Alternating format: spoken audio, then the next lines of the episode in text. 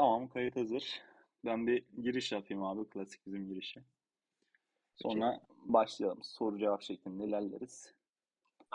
Zaten şeyden Twitter'dan da fazla soru gelmedi. Bir tane soru geldi yanlış hatırlamıyorsam. Onu da zaten sen Ya insanlar da var ya özelden darlıyorlar darlıyorlar soru sorun şey Ya yapıyorlar. abi ben de aynen oyun için dedim hani podcast yap. Onun için podcast yapalım. Özelden hani mesaj beklemesin insanlar. Podcast yapalım. Adamlar da soru sormuyor ya. Çok garip bir toplum yani gerçekten. Aynen öyle. Başlayalım abi ben bir giriş yapayım. Podcast'imizin yeni serisi, yeni bölümüne hoş geldiniz. Bu bölümde Eray abi konuk alıyoruz. Abi nasılsın? Merhaba. İyiyim teşekkür ederim. Sen nasılsın? Ben de iyiyim abi teşekkür ederim. Abi seni biraz tanıyabilir miyiz ilk başta? Kimsin? Neler yapıyorsun? Nasıl gidiyor hayat? Tabii. e, öncelikle hayat çok güzel gidiyor. Ben e, bilgisayar öğretmenliği mezunuyum. E, 2010 yılı. 2001 yılı MS-DOS'ta başlayan bir e, yazılım maceram var. E, 2011 yılında profesyonel olarak yazılımcılığa başladım aslında bir şirkette çalışarak, startupta. 2011'den öncesinde de freelance olarak yazılım hizmeti veriyordum zaten insanlara. Ee, 2011'den 2019'a kadar e, startupta, içerik sitelerinde, e-ticaret sitelerinde çalıştım. 2019 yılında blockchain ile ça- tanışana kadar tabii. Ee, ondan sonrası da zaten e, Web3 blockchain alanında ilerlemeye çalışıyorum diyebilirim. Çok iyi. Senin de şey var mıydı abi bu çocukluktan Commodore ile işte şey programlama falan? Ko Yok, Commodore'la e, Commodore'la oyun oynayıp çok büyük hayran kalmıştım. Çünkü o teyip kaseti bizim kafamız, kafamızda bir teyip kasetiydi. E, ve e, bir gün kaseti takıp o, o ekranda oyunu gördüğümde büyük bir hayranlık duymuştum. Ama benim hani bilgisayar merakım e, yaz- yazılımdan da ziyade e, arkadaşımın bilgisayarı olup böyle onun oyun oynamasını FIFA oynuyordu muhtemelen. Onu gördüğümde bir şey olmuştu böyle. E, Ben de yazılım yapacağım, ben de oyun yapacağım diye. Tabii bunu söylediğimde 98, 99 falandır. E, lisede de işte bilgisayar bölümünü, meslek lisesinde bilgisayar, teknik lisede bilgisayar bölümü okuma sebebim de oydu aslında. Daha sonra da hayat bir şekilde işte üniversitede de bilgisayar üzerine e, eğitimimi tamamladım. Daha sonra yine bu sektördeyim. Yazılım bir şekilde hayatım oldu yani aslında. Peki şey var mı abi? Oyun programcılığı var mı sende? Geçmişin var mı o konuda? Yok. Yok. Yani bir e, Unity'ye heves ettim e, açıkçası ama çok anlayamadım, algılayamadım. O yüzden onu bıraktım yani. Şey Ben daha çok düşünüyorsun abi. Web3 gaming bu ara bayağı popüler yani. Blockchain üzerinde oyunlar falan. Ya Ga- GameFi için e, bir projede çalışma fırsatı edindim.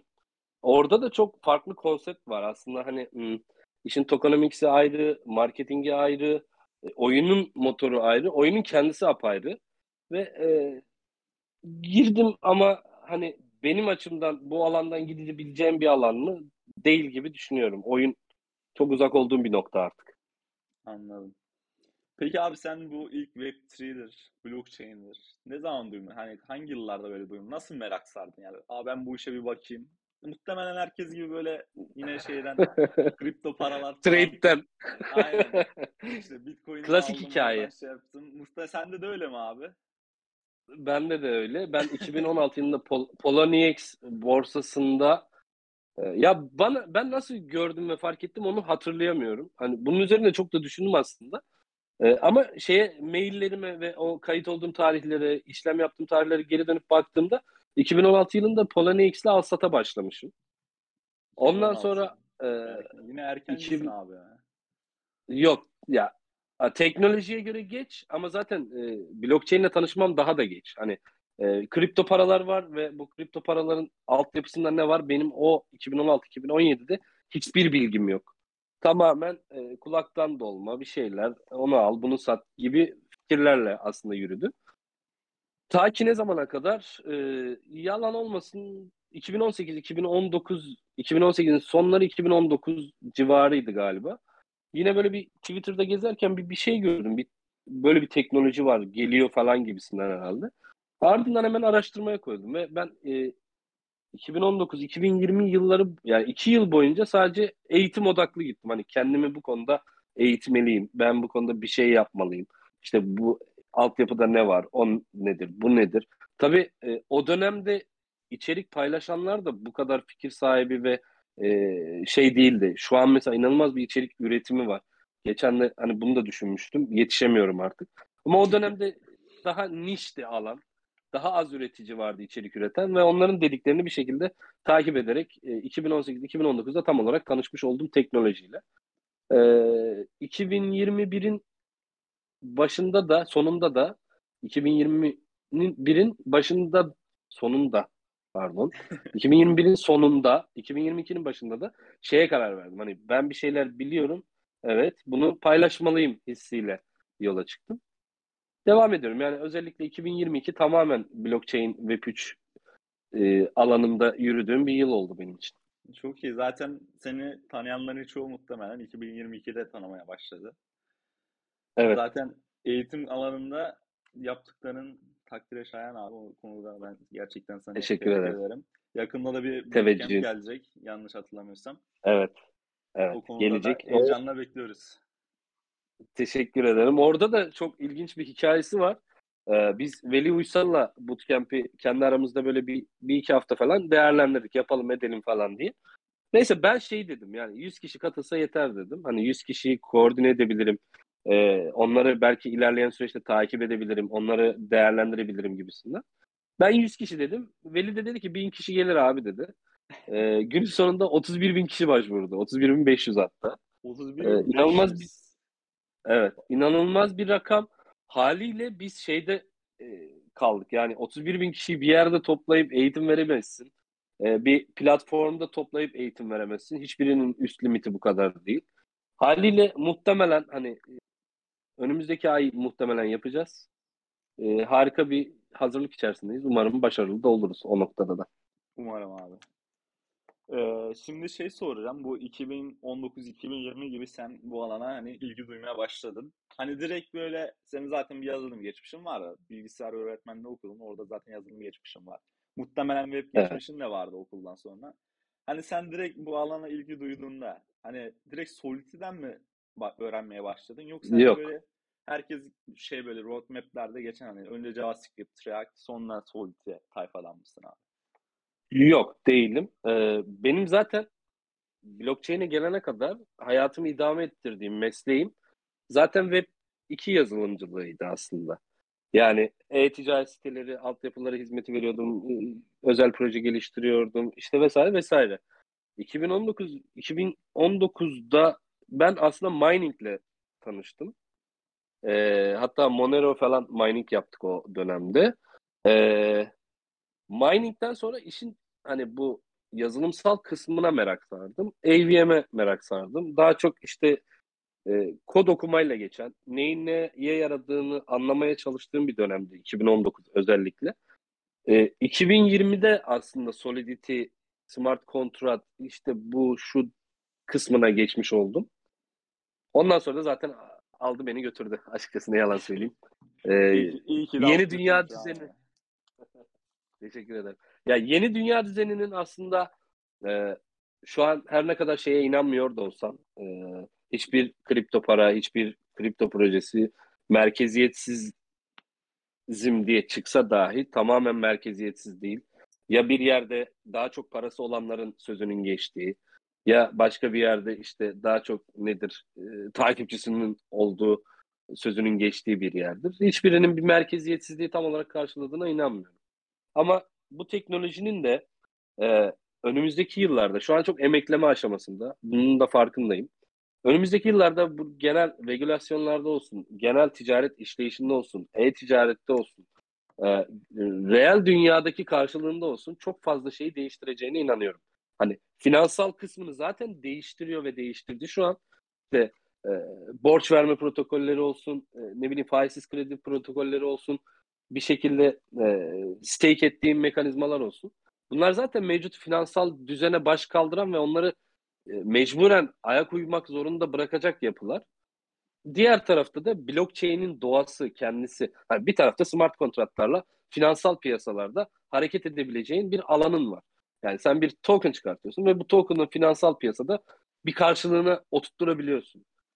Benim inandığım noktada blockchain'in kendisinde ise e, gerçek dünyada karşılığı olan e, bir evrime de geçecek. O noktada da işte bu yeni teknoloji, bu yeni dünya düzeni blockchain aracılığıyla gelecek diye düşünüyorum. İnşallah. Zaten hepimiz o geleceğe hazırlanıyoruz şu an. Temennimizde o devrimi gerçekleştirebilmek yönünde. Şimdi aslında konu açılmışken evet. biraz şeye değinmek istiyorum abi ben. Bu smart contract ve blockchain'in hani real dünya, gerçek dünyada ne tarz böyle problemlere çözüm olabilir? Yani dışarıdan baktığında çok güzel teknoloji, çok harika. Yazılımsal olarak da zaten evet. bir başarı. Ethereum olsun işte Bitcoin olsun falan.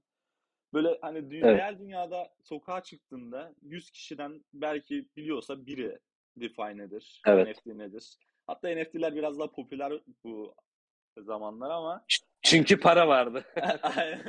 ya ama ya yani aslında teknolojik kısmı belki 100 kişiden biridir, yüzde biridir yani. Ya bu insanların evet, hayatını nasıl yani ne zaman ne şekilde girebilir? Yani ileride örnek görüyorum sen trend yoldan ya da işte örnek veriyorum yemek sepetinden bir şey sipariş ederken smart kontratları biz kullanabilir miyiz? Ya da blockchain teknolojisi bu verileri saklamakta kullanılabilir mi? Ne düşünüyorsun bu konu hakkında? Ee, olayın başına döneyim. Yüzde birlik kısma öncelikle. Seninle aynı düşüncedeyim. Kesinlikle şu an sokaktaki herhangi bir insan kripto para ya dair bilgisi e, alıp sattığın işte Shiba ve Dog'dan sonra işte bir koyup yüz aldığın, bin aldığın bir hayalle insanların girdiği bir alan aslında kripto para. E, temelinde ama blockchain'in doğasında real dünyada bunu e, trend yolda ya da e, bir şeyin alışverişinde kullanabilir misin? Evet kullanırsın. Fakat buna regülasyon izin verir mi? Bence izin vermez. E, Şu Çünkü, anda vermiyor zaten. E, aynen. Yani e, şu anda zaten vermiyor. Gelecekte de vermeyecek. Çünkü e, şöyle düşünüyorum orada da. Şimdi benim e, içten içe gelir kazandığım işte bir Trendyol e-ticareti yaptığında bak bu e-ticaretin doğasında ben bir ürün satıyorsam Trendyol ayrı komisyonunu alıyor. Devlet ayrı vergisini alıyor. Kargo şirketi ayrı bedelini alıyor. O bilmem neyi alıyor, bu bilmem neyi alıyor. Günün sonunda bunları regülasyona da dahil ettiğinde e, regülasyon Trendyol'dan da vergi alıyor. Kargocudan da vergi alıyor. X yerden de vergi alıyor. e, benim malı aldığım üreticiden de vergi alıyor. Günün sonunda devlet bunların hepsinin kesilmesini göze alabilir mi? Bence alamaz. alamaz. Evet. Bunu bir e, bunu bir kılıfına uydurabilir mi? E, uydurabilir ama bu sefer zaten kağıt paradan ne farkı olur? Hani merkeziyetsizlik yani. o zaman da ben da merkez bankalarının işte dijital para birimleri diye bir şey çıkıyor. Hani onun evet. devletler tarafından hani Web3 ya da ne bileyim blockchain felsefesine uygun ya da bu alana uyum sağlamak için çıkartılacağını düşünmüyorum ben zaten. Yani orada da ben de düşünmüyorum. Biz yine pastadan nasıl pay alabiliriz derdindeler. Kesinlikle. Ee, onların amacı yani zaten, zaten o birincisi. Evet. Blockchain'in amacı da zaten aracı kurumları ortadan kaldırmak. Hani komisyon Aynen. ödememek zaten. E, adamların gelir kaynağı bu. Neden buna izin versinler? Ben olsam ben izin vermem yani. Eğer devletler olsaydım ben Aynen izin öyle. vermezdim. Aynen öyle. Aslında temelde matematik hani e, paranın tarihinde, paranın geçmişinde ve paranın neden oluştuğunu araştırdığımızda aslında nispeten neden olmayacağına da kanaat getirebiliyoruz. Çünkü para dediğimiz şey aslında bugün devletin kendi içinde, iç düzeninde bir şeyleri yönetebildiği ve e, insanlara hani hizmet verip karşılığında bunu para olarak alabilmesinin yolunu açan bir yegane şey bir kağıt para. Aslında hani e, devletin para birimi, devletin parası dediğimiz noktada bu da aslında e, bir, bir şekilde regülasyonun elinde oyuncak olan bir şey. Yani bugün biz e, mevcut enflasyon durumunu yaşıyoruz ve sürekli para basılıyor. Şimdi bunu blockchain ağında düşündüğünde e, ve çevirdiklerini varsaydığımızda devletin elinde böyle bir güç olduğunda da e, merkeziyetsizlik falan hak getire yani. O zaman sadece elinde kağıt para olmayacak da cüzdanında TRY token olacak yani. Hatta onların çok müsaade edeceklerini yani. sanmıyorum. Direkt her transaction'ı görüntüleyecekleri için onların daha çok işine gelir. Gelmez. Gelmez. Gelmez. Ee, bir gelmez. Biz e, bir belediyeyle bu işte e, şeyin konuşmasını yapıyorduk. Hani bunu dijital belediye kafasında nasıl yapabiliriz gibisinde. Arada o kadar çok nemalanan insan var ki.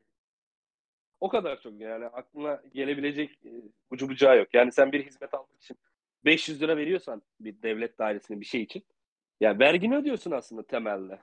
Ama e, icabında bir işini çözdürmek için başka yollara da kayman gerekiyor ve oradaki kayıtların tutuluyor olması kimsenin işine gelmiyor. Yani hani işin siyasi boyutuna girmek istemiyorum aslında ama günün sonunda takibi edilebilecek paraların e, devletin ve devletin makamlarında oturan hiç kimsenin işine gelmeyeceğine adım gibi eminim. ya biz biraz ütopik düşündük galiba burada. Aynen. Bir şey ya düşünsene bir belediye başkanısın ve senin bir tane cüzdanın var ve sana gelen bütün gelirler oraya geliyor. Hayal edelim.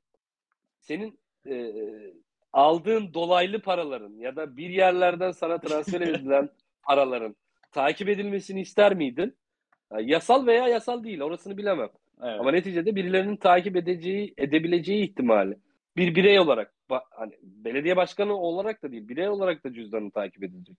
Adam diyecek ki ulan sen 10 lira maaş alıyorsun hesabında 2000 Ethereum var. Hayırdır yani. e şimdi hiç en alt yani. kademe belediye başkanının işine gelmezken muhtarın hiç işine gelmez. E, tepedekilerin hiç hiç işine gelmez yani bu konu.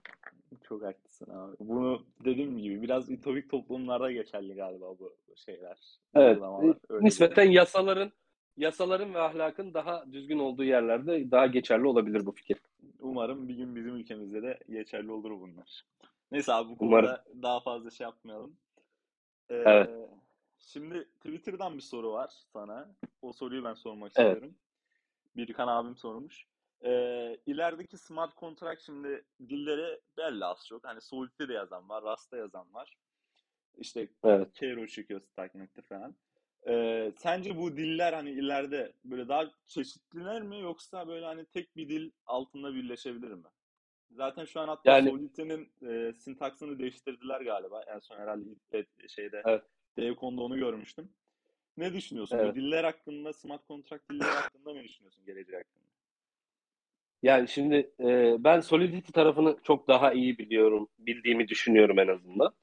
E, fakat Solidity'nin genel development kurallarında ya da işte yazılım yaptığımız süreçlerde Web2'de de e, biraz kendi içinde bir karmaşıklığı ve e, çetrefilli bir hali var. Yani bir şeyleri zorlaştırıyor gibi geliyor bana. E, bunu tahtından kim edecek abi? Çok net bir şekilde buna eminim. Rust e, bütün ağlarda aslında söz sahibi olan bir dil olacak gibi düşünüyorum ben. Yani smart kontratlar bir şekilde Rust'a dönecek ve oradan o iş artık tamamen onun üzerinden yürüyecek diye düşünüyorum. Ya zaten biz bu Devcon'daki Solid'in yeni böyle sintaksına bir göz attık. Hani böyle sunumlardan, görsellerden. Biraz Rust'a benziyor. Hani Rust'a biraz böyle dönüşüyor gibi. Dediğin gibi ileride Rust'a ya hepsi... bence olur. Aynen. Çünkü zaten e, open source'un açık kaynağın doğası gereği birileri birilerinden bir şekilde esen, esinlenmesi lazım. Zaten hani bir dili tam olarak biliyorsan atıyorum JavaScript'i tam olarak biliyorsan e, onun üzerine çok az bir şey koyarak Solidity'yi yazabilirsin. İşte JavaScript'i biliyorsan onun üzerine bazı parametreleri, bazı konuları öğrenerek işte React developer olabilirsin. Onun üzerine X koyarsın bilmem ne olur. E, JavaScript yazıyorsun işte atıyorum. Tamamen atıyorum. Python'a geçmek istedin. Ya sadece sintaks değişiyor zaten. Evet. Senin temelde kafanda algoritma oturduktan sonra bugün Rust yazmışsın kontratı.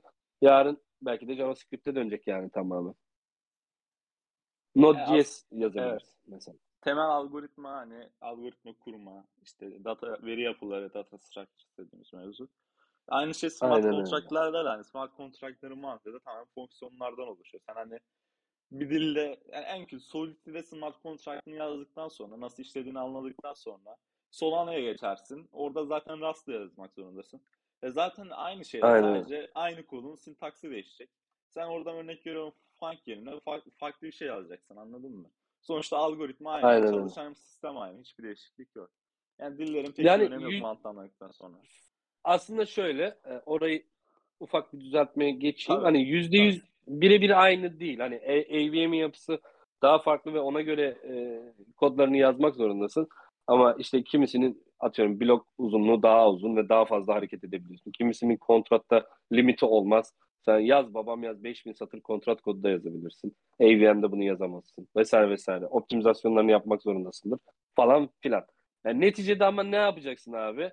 Eray'dan Ahmet'e para transferi yapacaksın. Ne kadar farklılaşabilir ki? Transfer fonksiyonu. Evet. Yani dediğin gibi konsept aynı. Konsepti çözdükten sonra sen tabii yine senin dediğin gibi virtual machine'ler değişir, compiler'lar değişir ama ana sistem aynı. Sen o felsefi arkasındaki soyut şeyi anladıktan sonra hiçbir sıkıntı yaşamazsın diye düşünüyorum ben de abi. Çok sen tabii daha iyi bilirsin. Yok estağfurullah. Ya daha iyi bildiğimi iddia etmiyorum. Biliyorum bir şeyler belki ama e, kimseden daha iyi bilgi sahibi olamam. Yani bugün belki sen benden çok daha iyi Solidity biliyor olabilirsin. Ama günün sonunda ben mesleki yaşamımda hani e, bir problemle karşılaştığımda bunu çözebilecek yetiye sahibim. Ya da bir şey üretmem gerekiyorsa bunu çözebilecek yetiye sahibim. Ama tecrübe, bilgi tecrübe. dediğimiz evet. aynen aynen aynen tecrübe. Hani bilgi dediğimiz şey kimin kimden daha iyi bileceğini bilemezsin abi. Hani bu çok farklı bir konu. Ee, adam okuma yapmıştır, e, okumuştur, öğrenmiştir ama pratiği yoktur. Ama biliyordur da yani. Ben evet. e, okuyacak vaktim olmamıştır bazı konularda. Takip edememişimdir. Ama pratik olduğum için ya da pratiğini yaptığım için e, bir çözümüne daha kolay ulaşabilirim ondan. Ha, bilgi çok farklı bir şey yani. Her şeyi bildiğimi de iddia edemem bu noktada tabii. Hak veriyorum abi sana o konuda. Yani tecrübe parayla satın alamayacak tek şeydir derler. Ya o konuda Doğru. da sen hani Türkiye'de belki de tecrübeliler arasından birisisin. Ee, ondan dolayı Teşekkür ederim. Ee, diyeceğimi unuttum. Sıkıntı değil. Ye- yeni bir soruya geçeyim abi ben en iyisi. Yeni bir soru, Aynen. soru hakkında. Şimdi benim yaşıtlarım çoğu hani bu Web3, Solidity, Smart Contract falan ilgilenenlerin çoğu üniversite öğrencisi yaşıtlarımız. Ya bizim Çok aslında aslında ben de bu dertten muzdaribim. Ya şimdi örnek görüyorum. Bu Solidity işte Smart Contract, blockchain falan çok yeni bir teknoloji. Yani Türkiye'de bu işle evet. ilgili bir elin e, parmaklarının sayısını geçmeyen şirket vardır. Ya onlar da genelde evet. zaten böyle fazla böyle büyük big tech dediğimiz şeylerden, te- şirketlerden değiller. Yani burada bizim evet. hani derdimiz biraz hani eski Web 2 kafasıyla düşünen arkadaşlarımız da var. Ben hani okulu bitirdim, mezun oldum. Bu alanda nasıl iş bulabilirim? Hani diplomam var, eyvallah, tamam. Ama hani normalde ne yaparsın? Sen okulunu bitirirsin. Gidersin işte Udemy'den ya da ne bileyim bak oradan buradan eğitimler alırsın, sertifikalarını alırsın. LinkedIn'e eklersin, iş başvurursun. Ama bizim Web3 dünyasında Aynen. bu geçerli değil. Zaten sertifika veren birkaç tane yer var. O da zaten global şirketler. Aynen. Yani Aynen. bu alanda iş, böyle staj bulmak isteyen arkadaşlara sen ne tavsiye edersin abi? Güzel bir soru. Ee, şimdi birincisi zaten e, blockchain'de diplomanın, eğitimin, ne yaptığının pek bir önemi yok. Ne kadar görünür olduğunun önemi var. Bu çok net bunu bariz söyleyebilirim. İkincisi e, dil her şey. Türkiye'de e, ben çok kişiyle tanışıyorum. Hani e, kimse üstüne de alınmasın tabii bu söylediklerimi. E, blockchain developer'ın deyip ortaya çıktığında insanların yaptığı şeyler işte bir e, ERC20, bir ERC721 kontratı. Hadi çok çok ERC 1155 yazmış olur. E, günün sonunda bir protokol geliştirebileceğin bir şirketi bulman e, çok olası değil. Ya da denk gelebilmen lazım. Ve yeni başlayan kimseye e, şirketlerin kapıları açık değil. Bunu net olarak gördüğümü söyleyebilirim. Sebebi de şu. Birincisi alan zaten bakmayın hani çok yüksek paralar konuşuluyor olabilir ama alan zaten dar. Yani bugün en büyük gördüğünüz protokolü 5 kişi geliştiriyor. Adını vermeyeyim. Yani 5 kişi geliştiriyor. Çok büyük bir proje. Ama 5 kişi geliştiricisi var. Yani 6. bir Solidity Developer'a ihtiyacı yok zaten adamın. Bu yüzden benim önerim, tavsiyem e, yeni başlayacak olan, iş arayışına girecek olan, üniversiteden mezun olacak arkadaşlara tavsiyem. E, blockchain sadece Solidity, sadece Rust değil.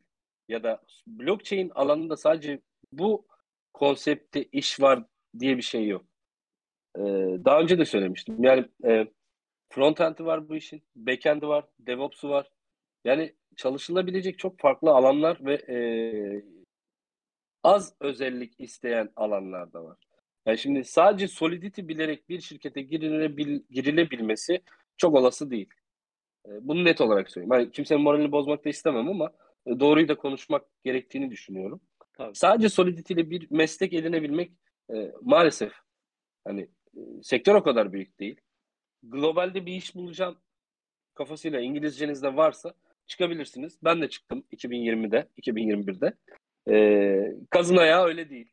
Yani benim globalde, yani ben normalde hani e, senior developer'ın web iki tarafında ama ben junior ilanlara da başvurdum. Junior olarak da başvurdum. Dedim ki ben junior'ım.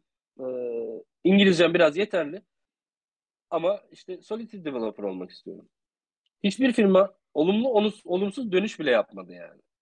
Ve bunların içinde kafa firmalar da var. Çok daha yeni startuplar da var. Hala Solidity developer arayan firmalar da var. Düşündüğünde. Adam hala arıyor yani. 3 evet. sene geçmiş, 4 sene geçmiş. e, arayan neyi aradığını bilmiyor muhtemelen ya da e, ben o dönem doğru başvurularda bulunmadım bilmiyorum. Ama iş şurada değişiyor. Bunu yazılım alanındaki herkese öneriyorum. Ben e, daha üst düzeylerde çalışan arkadaşlarıma da öneriyorum. Görünür olun. Yani birileri sizi fark edeceği bir şekilde görünür olun. Bugün HTML'de tablo yapmayı öğrendiysen bunu yaz. Bunu birileri görecek. Onun üzerine ne kattığını bir sonraki yazımda zaten koyacaksın. Yani içerik üretin abi. İçerik üretin. Yeni öğrendiğiniz bir bilgiyi başkasına anlatacakmış gibi yazın. Hem kendi öğreniminizi pekiştirin. Üstüne de kitap repo'nuzu koyduğunuzda, blog yazılarınızı koyduğunuzda CV'nizde başka bir bilgi koymaya gerek yok zaten. Adam gelip senin hani orada şansın şudur. Yani adam bakar, ah der geçer. O bir saniyede belki ikna edebileceğin şey senin orada yaptığın kitap reposudur yani. Geldi baktı. Tamam dedi bu bizim aradığımız adam. E, bunu yaratabilmen için de e, sıfırdan başlayan bir adamın topluluğa bir şey vermesi lazım Web3 alanında. Bir içerik üretmesi lazım. E, bugün geldiğimiz noktada bugün hala herkes işte yeni yeni içerikler çıkıyor ama smart kontrat nasıl yazılır? Ya iki dakikada Google araması yapsan ERC20 kontratını yazma süren 10 dakika, deploy etme süren 10 dakika 20 dakikada bitirdin. Al sana blockchain developer'ım diye çıkma ama yani ortaya. Günün sonunda e, yeni başlayacak bir adamın öncelikle yapması gereken şey bir İngilizce, ikincisi de görünür olmak. İçeriği Türkçe üret fark etmez. Türkiye'de e, insan kaynağı sıkıntısı var. Yazılımcı sıkıntısı var. Ama bu Solidity developer değil. Yani net olarak değil. Evet. Bu işin Python tarafı var, bu işin .NET tarafı var, bu işin işte e, Node.js tarafı var, bu işin PHP tarafı var. Var yani. Arayış da var. O zaman e, odağımızın para olması e, Solidity Developer çok maaş alıyor. Ya abi e, global bir şirketle görüşmüştüm. Adam çok inanılmaz bir rakam teklif etti yani. Gerçekten benim o dönemde alamayacağım bir rakam yani. Günün sonunda biz anlaşmaya masaya oturduğumuzda maaşım normal bir maaş artı yan haklar. Yan haklarda token allocation'ı. Yani sana diyor ki ben sana 2000 tane A token vereceğim. E ben bunu ne zaman alacağım? Bir yıl çalışacaksın, bir yılı dolduracaksın. Bir yıl sonra iki yıl vesting sürecinde sana para verecek. Senin para eline geçmesi hani bir yıl çalıştın, bir yıl daha çalıştın, vesting süren oldu. Bir yıl sonra alacaksın. Üç sene sonra alacaksın. İşte ayı piyasasındayız şu an. O paraları alabilmem mümkün değil o zaman. Evet. Yani buna da tav olmasınlar. Yani adam oraya 200 bin dolar yıllık maaş veriyor da onu gerçekten bunu hak edebilecek bir background'u olan bir adama verebilir onu. Yeni başlayan ya da işte başlangıç aşamasındaki bir adama vermez haliyle. Yani e, bir iş bulam bulamıyorsanız da Upwork var. Çeşitli freelancer siteleri var. Buralarda da pişmek için İngilizce açısından da iş alabilmek açısından da bir portföy oluşturmak anlamında da e, zaman harcanabilir, değer. Yani sen e, bir Solidity işi aldığını varsay Upwork'tan. E, normalde 3 saatte yaparım dedin. İcabında git 3 gün uğraş, 5 gün uğraş, 6 gün uğraş.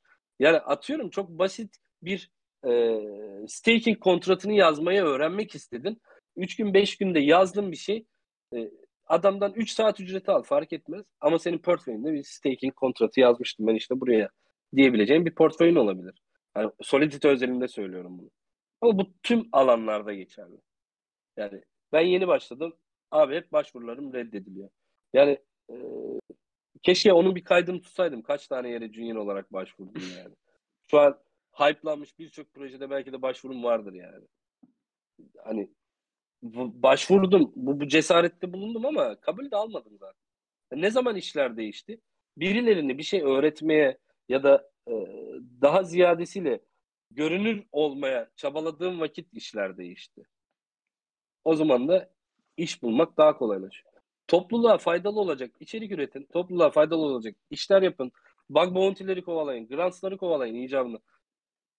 O zaman taşlar zamanla yerine oturuyor ve aceleci olmayın. Yani bugün mezun oldum, yarın iş bulacağım diye bir kaide yok, şart yok.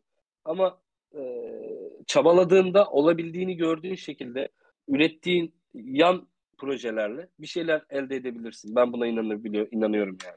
Evet abi zaten e, bizim de toplumumuzda şu an bir yazar ekibimiz var. Yeni oluşturduk. İçerik üretiyoruz bu alanda. Mesela o ekipten birisi.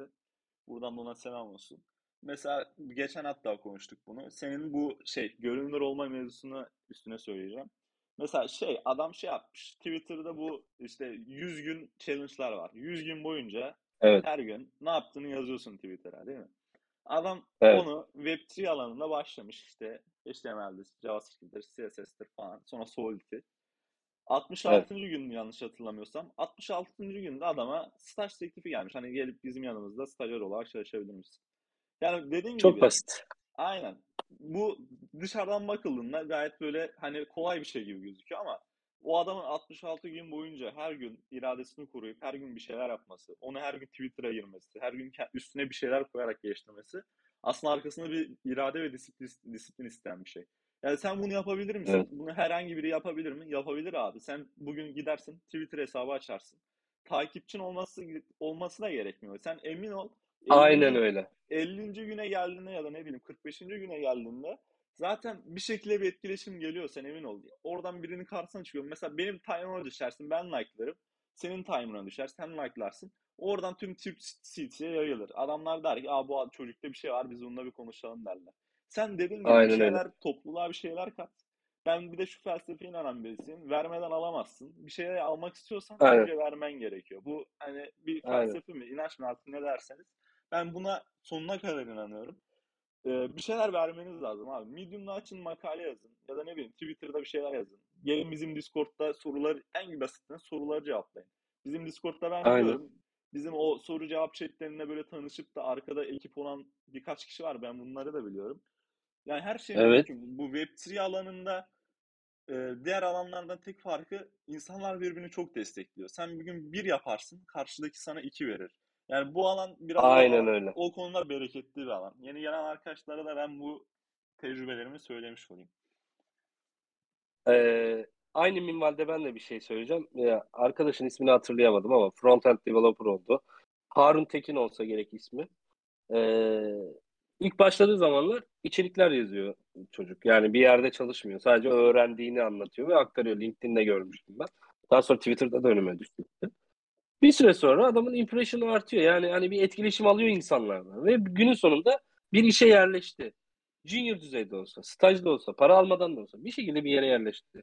Ama e, bunu nasıl yaptı abi? Bu insanlara nasıl ulaşabildi? Yarın bir gün ben gidip işte Eray'ım ben bu içerikleri ürettim dediğinde açılmayacak kapı yok mesela. E niye? E ulan bu adam zaten birilerine faydalı olmak için bunu öğretmiş. Anlatım diline baktım. E çok iyi de anlatabiliyor. Tamam bu az bir yürüsün yani içerik üretmek illa e, şey de değil. Hani iş bulmak anlamında kapı açan bir olgu evet ama diğer taraftan da öğrenmeyi pekiştirme, e, hitabet yeteneğini arttırma, kendini ifade etme yeteneğini arttırmak için en güzel yol.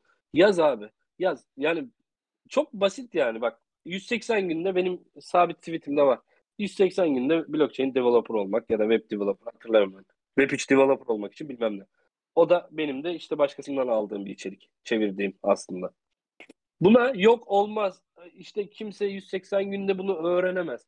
Hayır abi öğrenebilir. 180 gün sen günde 8 saat vakit harcayıp gerçekten bu alana fokuslansan bitirebilirsin. Ya adam A'dan Z'ye JavaScript eğitimi yazmış. 66 saat. 66 saat sen e, kaç günde bitirebilirsin yani? 8 saat yaparsan. E, demek ki öğrenebilirsin. Çabalarsan, istersen gerçekten buna inat edersen. Yani yazılım pis bir iş. Yani şu anlamda pis bir iş. E, maalesef e, gerçekten inat etmek de gerekiyor. Çözemediğin sorunun çözümünü aramak için saatlerce, günlerce çabalaman gerekiyor. Ve günün sonunda zaten en iyi yazılımcılar, en iyi Google'layanlar yani. Hani sorunun çözümünü bulabilmek için bir arama yapması gerekiyor ve o aramayı nokta atışı yapabilenler daha hızlı çözüm üretiyor ve aslında öğrenmiş oluyor. E sen yazılım yaparken, yazılımı öğrenirken yazdığın içeriklerde eksik kaldığın noktayı fark edip bunu daha iyi Google'lamayı da öğrenerek pekiştirmiş oluyorsun.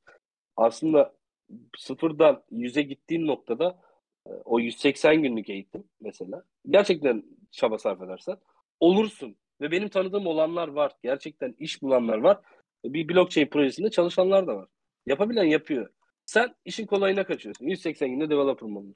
Eski zamanlarda olsaydı biz 2000 e, ben Turbo Pascal'la başladım. 2001-2002 eğitim sezonundaydı galiba yazılım.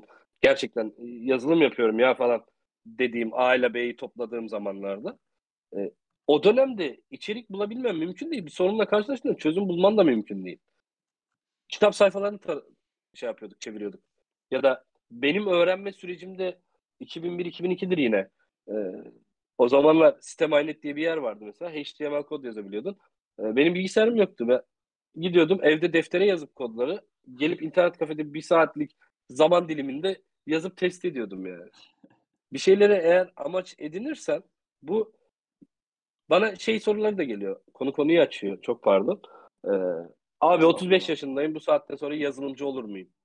Ya da işte benim üniversite bölümüm atıyorum, sallıyorum tamamen. Su ürünleri. Yazılımcı olabilir miyim? Abi isteyen herkes olur. Geçenlerde bir içerik görmüştüm. 75 yaşında adam yazılım mesleğini öğrenmiş yani. Yazılım yapıyor yani. Ve işe girmişti en son galiba. Öyle hatırlıyorum. Bunun yaşla bir alakası yok. Bunun inat etmeyle, öğrenmeyle, kafanda bazı puzzle parçalarını tamamlamayla alakası var. Ve tamamladığın noktada artık senin için dilde fark etmiyor, alanda fark etmiyor. Bir şekilde e, hani su yolunu buluyor yani. E sen yeter ki iste, emek ver, uğraş. Aynen. De senin dediğin gibi yazılım biraz pis. Çünkü nankör bir alan. Sen hani uğraşmadığın zaman karşılığını alamıyorsun. İnat etmen lazım. Senin tamamen katılıyorum abi sana. Ya ben 5 ay askerliğe gittim, geldim. Tabii 5 ay o sürede hiçbir şekilde yazılımla hiçbir ilişkim olmadı. Geldiğimde sanki e, sıfırdan başlıyor gibiydim yani. Nankör bu meslek. Yani bir de e, sürekli gelişme var. Hani blockchain özelinde konuşalım. Yani inanılmaz büyük adımlar atılıyor. Geçmişte böyle değildi ki. Yani işte atıyorum HTML'in ilk versiyonu kaç yıl kullandık belki de. Evet. Hani çok da yavaştı. Çok da ağırdan geliyor. Ama şu an Ethereum bir şey çıkartıyor. Başka bir protokol başka bir şey çıkartıyor. Layer 2'ler geldi. Yarın belki Layer 3, Layer 4 belki tamamen Ethereum EVM altyapısı değişecek yani. Bunu da bilemeyiz. E Evet. Çünkü hem bir yandan çok fazla içerik üretiliyor hem bir taraftan da, da gerçekten komünite iyi çalışıyor. Ve sen burada yer almak istiyorsan Solidity developer olmak zorunda değilsin. Sen burada yer almak istiyorsan backendçi olarak da yer alabilirsin. Çünkü off-chain yani çoğu gördüğünüz Web3 projesi off-chain'de de çok fazla işlemi hallediyor. GameFi projesi, DeFi projesi. Çoğu işler backend servislerle off-chain tarafta da tutuluyor ve hallediliyor. Siz sanıyorsunuz ki işte frontend'de bir butona bastım, transferi yaptım, bitti. Ya o kadar kolay değil. 5 dakika şey süresi var. Transaction geçmedi, adam pencereyi kapattı vesaire vesaire. Bunun transaction'ı nasıl takip edeceksin? İşte backend servisleri devreye soktum. Bilmem ne yaptım. Ya Solidity developer olup çok para kazanacağım amacı güdülmesin yani. Benim e, genelde söylediğim şey bu. Çok fazla açık var, çok fazla istek var. Blockchain dediğimizde veri tabanına bir yazı yazıyorsun normalde. Ethereum'da da Ethereum ağına yazıyorsun. Burada çeşitli rakamlar var. Bunların da bir karşılığı token. İşte NFT'ler var. Aslında NFT'nin de karşılığı token. Yani bir ID. Yani resmin bir önemi yok. ID değeri. Sen ID'leri tutuyorsun. ID'lerin bir de- değerleri var. Ee, Bir fiyat belirliyorsun vesaire vesaire. Günün sonunda yine veri tabanına aslında bir veri yazıp ve veri okuyorsun. Sadece peer to peer çalışan bir sistem. Normal veri tabanından farkı belki de. Çok haklısın abi. Zaten Web3 zaten hani bu web genel olarak işte Web 1, Web 2, Web 3 diye giden sistem birbirinin üstüne bir şey koyan bir sistem. Yani sen Web3 dediğinde Web 2'nin temelini aslında bilmen gerekiyor. Zaten senin şu an Web3 denilen birçok proje nedir? Aslında bir frontend var, bir contract background var. Yani sen tamam eğer Web3 developer olmak istiyorsan, bir dep geliştirmek istiyorsan hem contract tarafını bilmen lazım hem bir de frontend tarafına da az çok hakim olman lazım. E sen şimdi Web3 evet. developer olarak iş aradığın zaman ben şunu da söyleyeyim. Arkadaşlara buradan onu da tavsiye ederim. Ben çoğu zaman böyle LinkedIn'den ya da ne bileyim bu Web3 iş ilanları siteleri var. ben onunla ilgili bir yazı da yazmıştım. O sitelere giriyorum böyle. Örnek veriyorum. Senior Smart Contract Engineer cevaplara. Ben senior değilim. Smart Contract Engineer bile değilimdir belki ama açıyorum okuyorum. Bu adamlar ne istiyor? Ya çoğu emin olun hani Solidity isteyen sadece çok az. Belki bir iki ilan görmüşümdür. Onun dışında hepsi hani ilk başta JavaScript istiyor. İşte full stack web development background istiyor iki sene boyunca. O, sonra en evet. sonra adamlar şey yazıyor. Solidity Experiences Plus. Diyor ki hani olsa olur. Yani Solidity'de çok hayatım önemli taşımıyor yani bu alanda. Evet. Temelin e, olması... E çünkü Evet. Buyur abi. Çok pardon, çok pardon böldüm. Ee, çünkü şöyle bir dünyadayız aslında blockchain'de ve 3'te. Aslında her şey birbirinin forku. Aslında her şey birbirinin uzantısı. Yani çok pardon. Sushi swap, pancake swap. Yani e, compound çıkıyor, compound forklayan bir sürü proje var. AV çıkıyor, AV forklayan bir sürü proje var. Günün sonunda e, Solidity tarafını söylüyorum e, çoğu proje zaten bir başkasından alıp kullanıyor. Çok fazla en fazla değiştiriyor. Yahut e, ne yapabilir? Sıfırdan oturup bir protokol yazamazsın zaten. İstesen de yazamazsın. Çünkü yaza, yazılmış ve çalışan audit hizmetinden geçmiş. İşte ne bileyim optimizasyonları yapılmış. E, her türlü senaryo düşünülmüş. Burada e, belki de e, ilk başta 3 kişi sonra 100 kişinin dokunduğu bir e, kod bloğu var. Sen kalkıp 3 kişilik Solidity ekibinle aynı protokolü sıfırdan yazmanın mümkünatı yok. Gereği yok. Yaz, gereği de yok, ihtiyaç da yok. Yazarım diyen de hani e, oraya bakmadan bir şey yapabilmem mümkün değil. Hani burada profesyonellik, solidity developerlıkta nerede geliyor abi? Matematiksel işlemlerde. İşte Ethereum'da noktalı virgüllü rakamlar yok mesela. Bunu iyi takip edebilmem. İşte bölme çarpma işlemlerinde. İşte kontrast size'ın, zartın zurtun. Hani e, Solidity Developer'ım dediğinde yazdığın eğer bir ERC 721, bir ERC 20 ise değilsin. Ama bunu yazabiliyorsan bu güzel bir şey. Bunun yanına koyman gereken senin söylediğin gibi frontend teknolojileri var, backend teknolojileri var. Yani ben şimdi bir projede e, smart contract da yazıyorum. Vue de yazıyorum. Aynı zamanda Node.js de yazıyorum. E ben ama smart contract olarak e, çalışıyorum. Şimdi e, görev geldiğinde yapabileceğin birbirine düğümleri bağlayabileceğin bir pozisyonda olman gerekiyor. O zaman Node.js'te backend servisine bağlanıyorsun.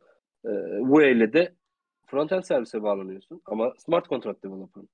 Teknolojilerin şeyi yok ki bir önemi yok yani. Evet. Bunu işte biraz da aslında bizim de hatamız. Ben de ilk başlardan insanlara bunu şey yapıyordum işte. Solidity Engineer dünyada 3000 tane var. İşte yıllık salarileri, gelirleri işte 100 bin doların üstünde, 200 bin doların üstünde ama direkt o hani o işler sadece Solidity istemiyor. Dediğim gibi birçok bunun yan alanı var. Backend'de, frontend'de. Yani o alanlarda gelişip Solidity de bunların yanında böyle ek olarak ilerlemek gerekiyor bence. Şu, şu an benim yaptığım da o. Ben mesela bir alanda bence ilerliyorum. De. Ona ek olarak da boş vakitlerimde ya da haftada bir iki gün artık neyse oturuyorum kontrakt okuyorum, kontrakt yazıyorum. Bence olması gereken ve ilerlenmesi gereken yol bu. Sen de aynı şeyleri zaten az çok söyledin. Arkadaşlara da bunu tavsiye ederim. Evet. Ama yani şimdi... hani e, buyur buyur. E, tabii dinleyenlere ne kadar faydası olur, ne, ne dokunur bilemiyorum ama hani olumsuz konuşuyormuşum hissi doğabilir. Ama ben e, daha çok gerçekçilikten yanayım. Yani e, yazılımcılık dediğimiz şey gerçekten zor ve sabır isteyen bir iş. Ama günün sonunda mevcut işte Twitter'da gördüğünüz maaşlara, işte iş ilanlarına çok fazla aldanmayın. Yani Salt Solidity Developer olacağım diyerek çıktığınız yolda gerçekten yolda kalırsınız. Senin söylediğin çok doğru. Benim tavsiyem de o yönde. Yan dalları da en azından bir tanesini, bir tarafından, bir şeyini. İşte JavaScript'i öğren, Node.js öğren, yanına Solidity koy. Zaten JavaScript öğrendikten sonra Solidity hani onun yanında çıtır çerez kalacak bir şey. Solidity'de daha uzmanlaşman gereken kısım belki işte fonksiyonların görünürlüğü, fonksiyonların işlemleri, yetkilendirmeleri, matematiksel hesapları bunlar olabilir. Ama bunları da önüne bir proje konulmadıktan sonra bilebilmen mümkün değil. Yani e, oturup da ben stake kontratı yazacağım, işte şunu vereceğim. A token'ından bunu alacağım, B'den bunu vereceğim falan gibi bir mantıkla oturup yazmazsın yani. Bir ihtiyaca binaen yazarsın. O da işte yan dalları koyup bir yerde barındığınızda yapacağınız işler. O yüzden Solidity Developer olacağım diye yola çıkılmamasını tavsiye ediyorum. Ben de aynı fikirdeyim. Abi benim sorularım bu kadardı. Senin eklemek isteyeceğin bir şey varsa onları da alabiliriz memnuniyetle. Öncelikle e, sana teşekkür ediyorum yer verdiğin için. Rica ederim. E, topluluk için, sektör için, özellikle Türk ekosistemi için e, yaptıkların için ayrıca tebrik ve teşekkür ediyorum. Estağfurullah. E, dinleyenlere de dinledikleri için teşekkür ediyorum. Ee, tamamdır abi ben buraya bundan sonra keserim. Kaydı da durdurdum zaten.